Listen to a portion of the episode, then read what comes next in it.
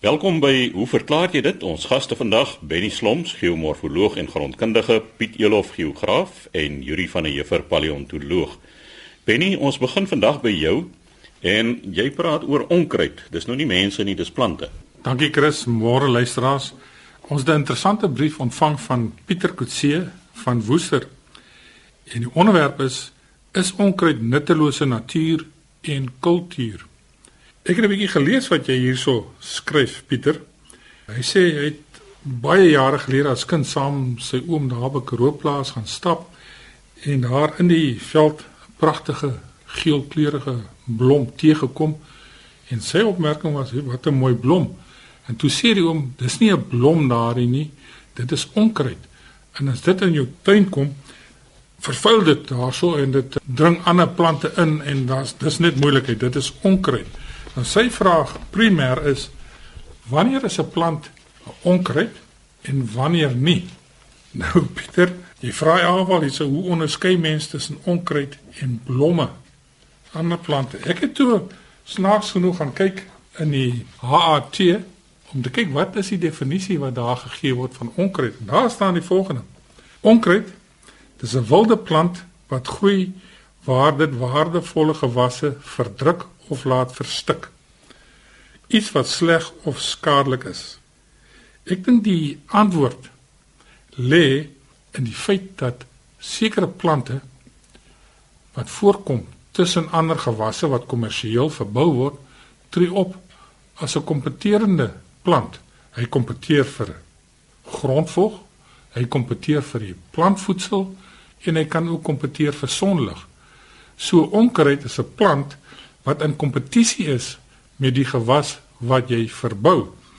Ons weet almal dat onkruidbeheer 'n groot storie is in akkerbou en in tuinbou juis vanweë hierdie kompetisie wat ons kry tussen die gewas wat jy verbou en die onkruid. Op sy eie waar hy nie tussen gewasse staan nie, is hy natuurlik 'n plant in sy eie reg. Dink maar aan die kosmosse in die Oos-Vrystaat en Mpumalanga. Dit is seker van die mooiste blomme wat 'n mens kan kry daarso. Maar tussen die mielies word dit gereken as 'n onkruid. Kweek, veral die fyn kweek in wingerd, is 'n groot pestilensie en boere spandeer baie geld om die kweek uit te roei. Maar op 'n rolbaan is daar dieselfde fyn kweek, is dit essensieel vir die aktiwiteit waarmee jy besig is. So, niemand het probleme met 'n onkruid as dit in 'n natuurlike omgewing voorkom en nie ekonomiese impak het op gewasproduksie nie. Maar sodra 'n plant in kompetisie is met diegene wat jy ekonomies verbou, dan praat ons van onkruid. Ek dink geen plante behoort eintlik onkruid genoem te word nie. Elkeen is 'n spesies in sy eie reg en hy het sy eie funksie in die natuur. Dis net wanneer ons kommersieel daarna kyk, dan praat ons van onkruid. Benie, ek dink jy's heeltemal reg daarin, maar ek dink iets wat 'n mens ook moet uh, of kan byvoeg is dat spesifieke plante, die oomblik as dit bruikbaar is en mense eet dit en kan dit eet, dan gaan hy ook nie noodwendig verder as 'n onkruid geklassifiseer word nie. Ek noem nou maar een voorbeeld wat ek weet dat van ons uh, swart volke 'n plant gebruik met die naam ja ek ken nou nie sy wetenskaplike naam nie maar marog wat hulle dit as 'n ware as spinasie gebruik terwyl ons wat dit nie gebruik nie die spuit die ding dood.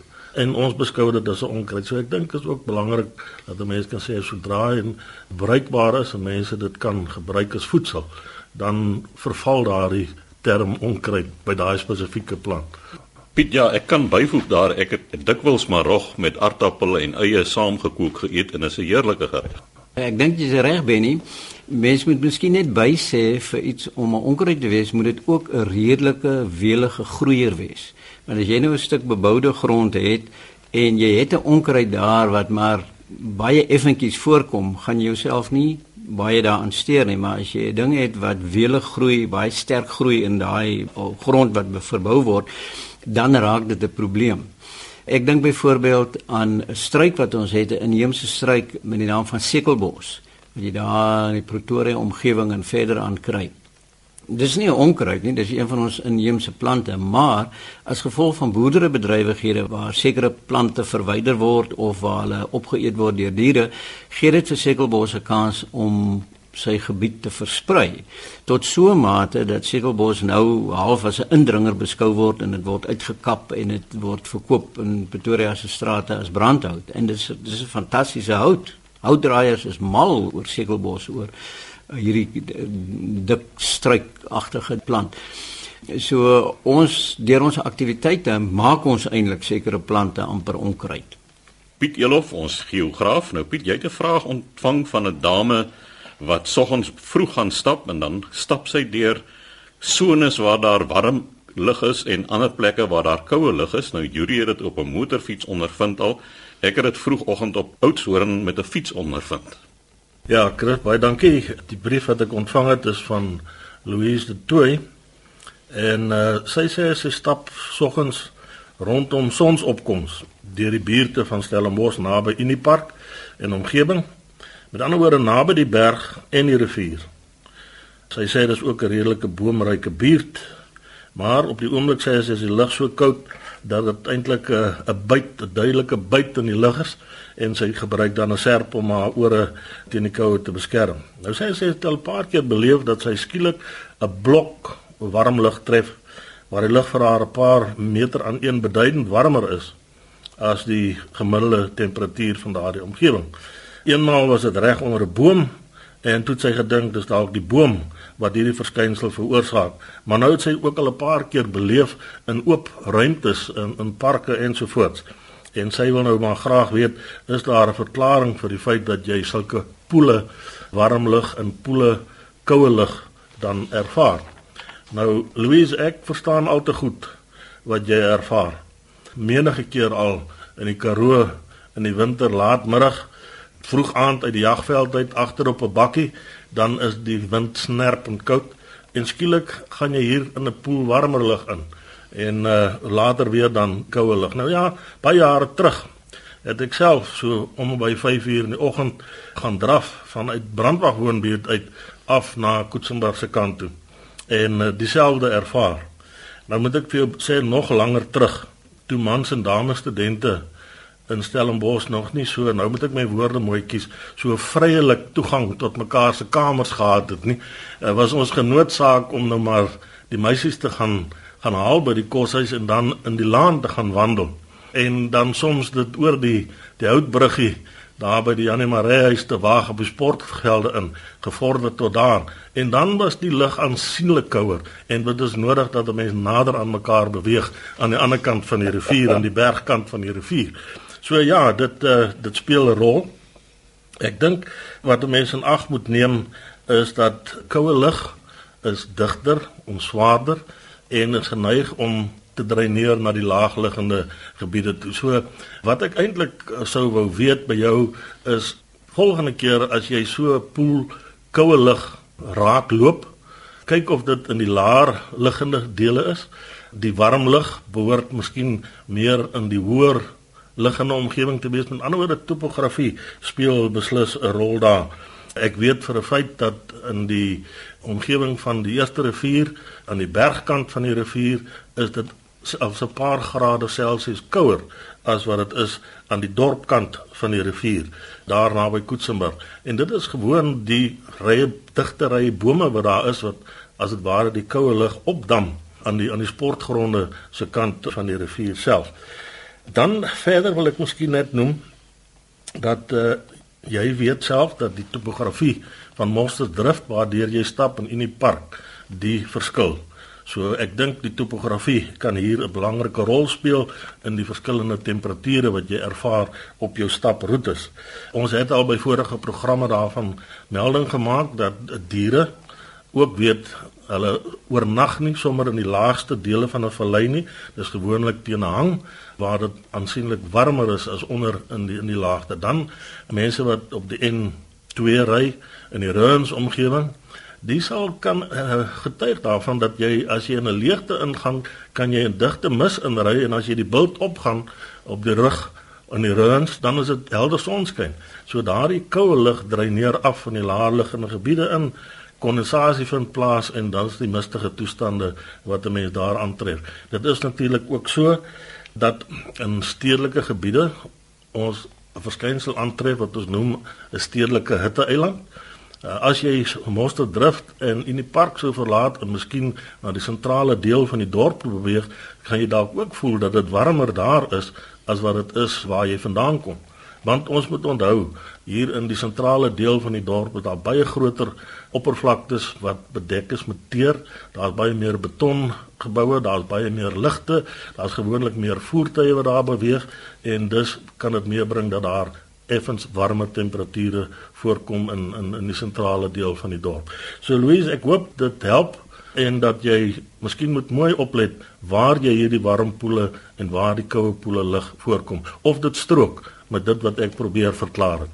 Piet, wat mens miskien vir die luisteraars ook kan sê is dat al die nuwe motors vandag het 'n termometer in die motor wat anders.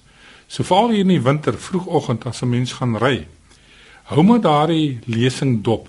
En hierdie beginsels wat Piet van gepraat het, sien jy baie duidelik op daardie termometer hoe die temperatuur styg en daal. Ek was nou vir 4 oggende baie vroeg uit van Stellenbosch af na Bonnieville toe. En dan was dit altyd interessant om te kyk waar is dit warmer en waar is dit die koudste. Die koudste was natuurlik langs die Breë rivier. En ons het verlede week maandag en dinsdag dan se 2 grade Celsius teen die Breë rivier. En dan sodra jy uitgaan naby Mouers hoogte, die hoër dele, dan gaan hy na 5 toe. Hy styg en dan weer langs die rivier af na 2 toe en jy sien natuurlik die voorkoms van ryp daar teen die pad. So en ek het al by 'n vorige program hieroor gepraat. Deur op te let na die temperatuurverskille veral in die wintersoggende, kan 'n mens vir jou 'n temperatuurkaart hier bo in jou kop gaan saamstel van jou omgewing. En wat natuurlik baie interessant was, elke oggend het daai patroon hom op dieselfde plek herhaal. So dit is 'n vaste verskil tussen die temperature in 'n omgewing soos Piet nou juis vir ons vertel het. So sê Benny Sloms, volgende aan die woord Yuri van der Heever. Nou Yuri, jy het in 'n vorige program gepraat oor die slaappatrone van akwatiese diere en jy terugvoer ontvang daaroor. Ja, Chris, goeiemôre almal. 'n Baie interessante brief van Evert Gerber van Port Elizabeth en Hierdie brief is vir my uniek omdat dit iemand is wat spesifieke waarnemings oor 'n lang tyd in die natuur gemaak het en ek sou graag met die luisteraars uh, sy brief in detail wou deel want uh, dit is die begin van wetenskaplike navorsing om waarnemings te maak en hipoteses te stel. Hy sê hy het op die program wat jy nou na verwys het Chris het hy baie lekker geluister na die stories oor hoe waterdiere slaap en hy sê dat sy siening van die saak is dat daar eintlik 'n groot grys area is tussen rus en werklike slaap.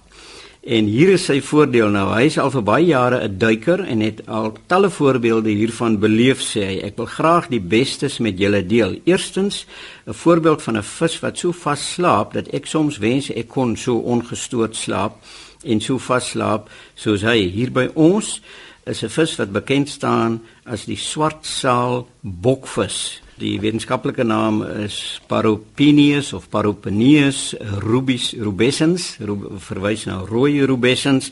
Hy is bedags aktief, maar as dit donker word, maak hy homself staan deur sy twee borsvinne as staaners te gebruik. Sy kleur verander van silwer na rooi, dis waar die rubescens vandaan kom. En hy verloor die swart saal op sy stert, en dan so 'n swart kol tussen sy rugvin en sy stertvin, soos 'n saaltjie. Sy rugvin strek rond en die skerp vinstrale lyk vrees aan Jaan. Sy oë staar uitdrukkingloos sonder enige beweging. 'n Wakker vis se oë is voortdurend aan die beweeg, soos voorwerpe sy aandag trek. Dit lyk eerder of hy dood is. My onderwater flitslig is skerp en in die donkerte van die nag skyn ek dit in sy oë. Ek swaai die lig heen en weer, sit dit aan en af. Hy probeer regtig hierdie vis irriteer, maar dit het geen effek op hom nie. Hy slaap soos 'n klip. Dan sê Evert is daar ook die heeltemal teenoorgestelde. Hier is 'n visie met die naam Karel Grootoog, soms ook bekend as 'n Franse madame. En jy kan letterlik enige tyd van die 24 uur van die dag gaan kyk. Hy bly aktief en toon nie enige gedrag wat soos rus lyk nie.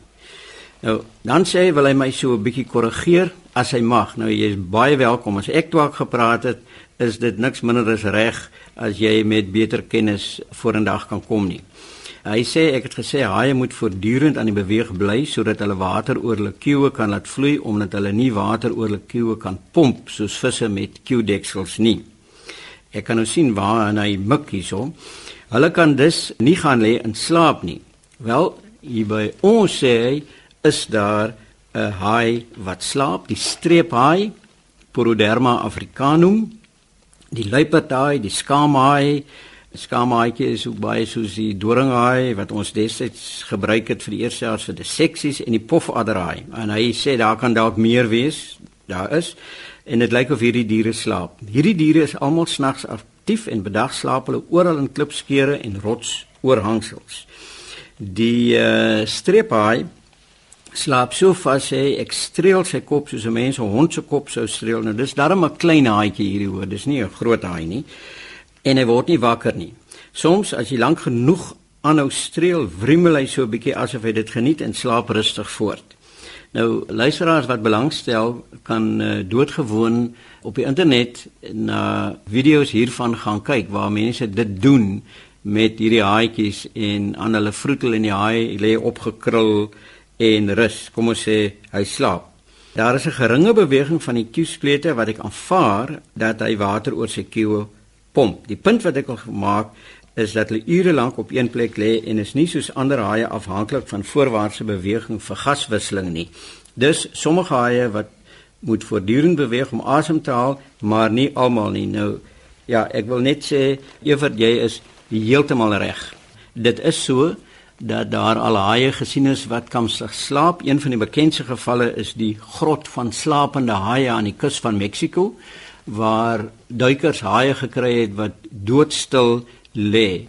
Nou wanneer 'n haai dan stil lê en minder aktief is, gebruik hy ook minder energie en het outomaties minder suurstof nodig.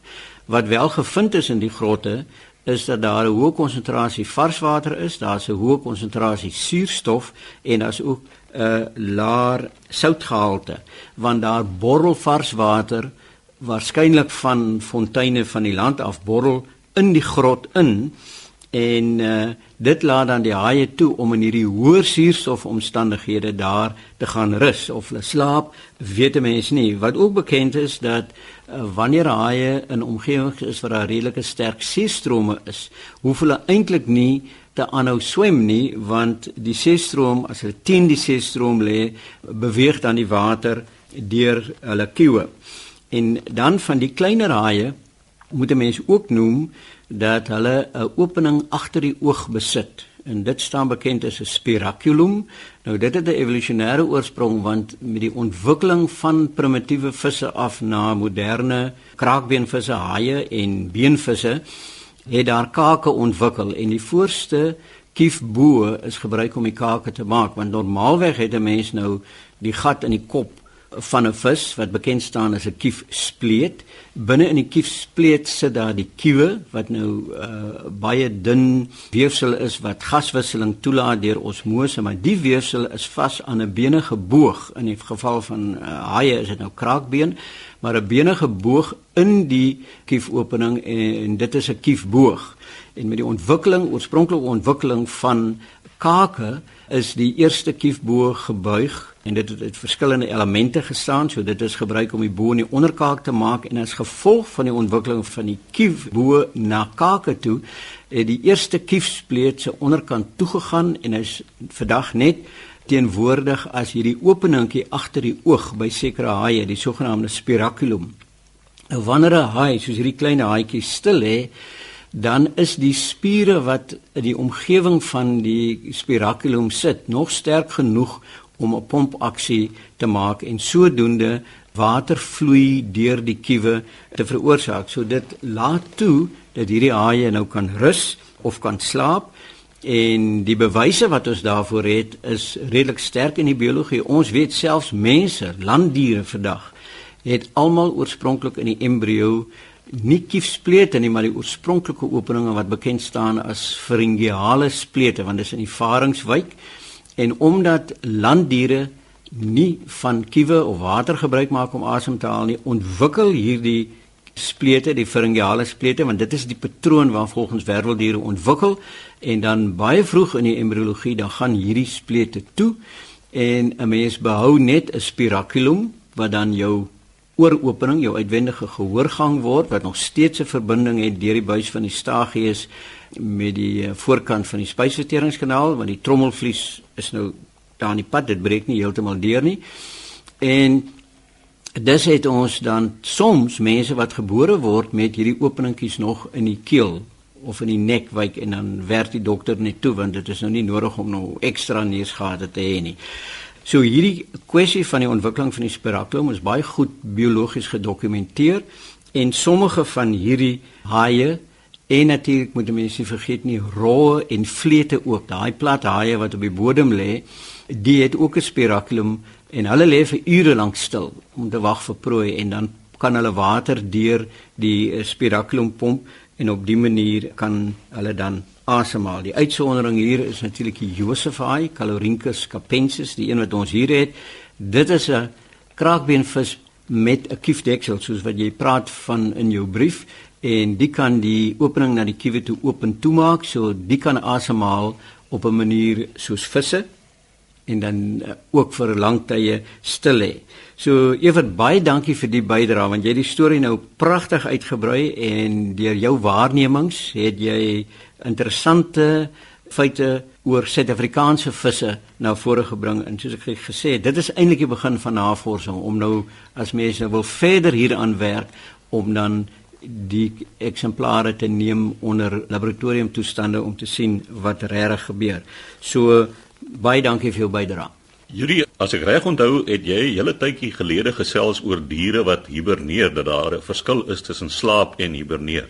Ja, ek is nie seker of ek daaroor gesels het nie, maar dit is 'n algemene verskyning om in 'n winterslaap te gaan en daar is variasies daarvan, daar word gepraat van torpor en dit kan 'n mens onder warmbloedige diere kry. Beere en uh, eekorntjies in sekere lande van hierdie klein soogdiertjies En wat gebeur is dat in tye waar die kos min is, is die fisiologie van die dier so dat hy in 'n winterslaap kan gaan en dan al die fisiologiese prosesse in die liggaam se aktiwiteit daal.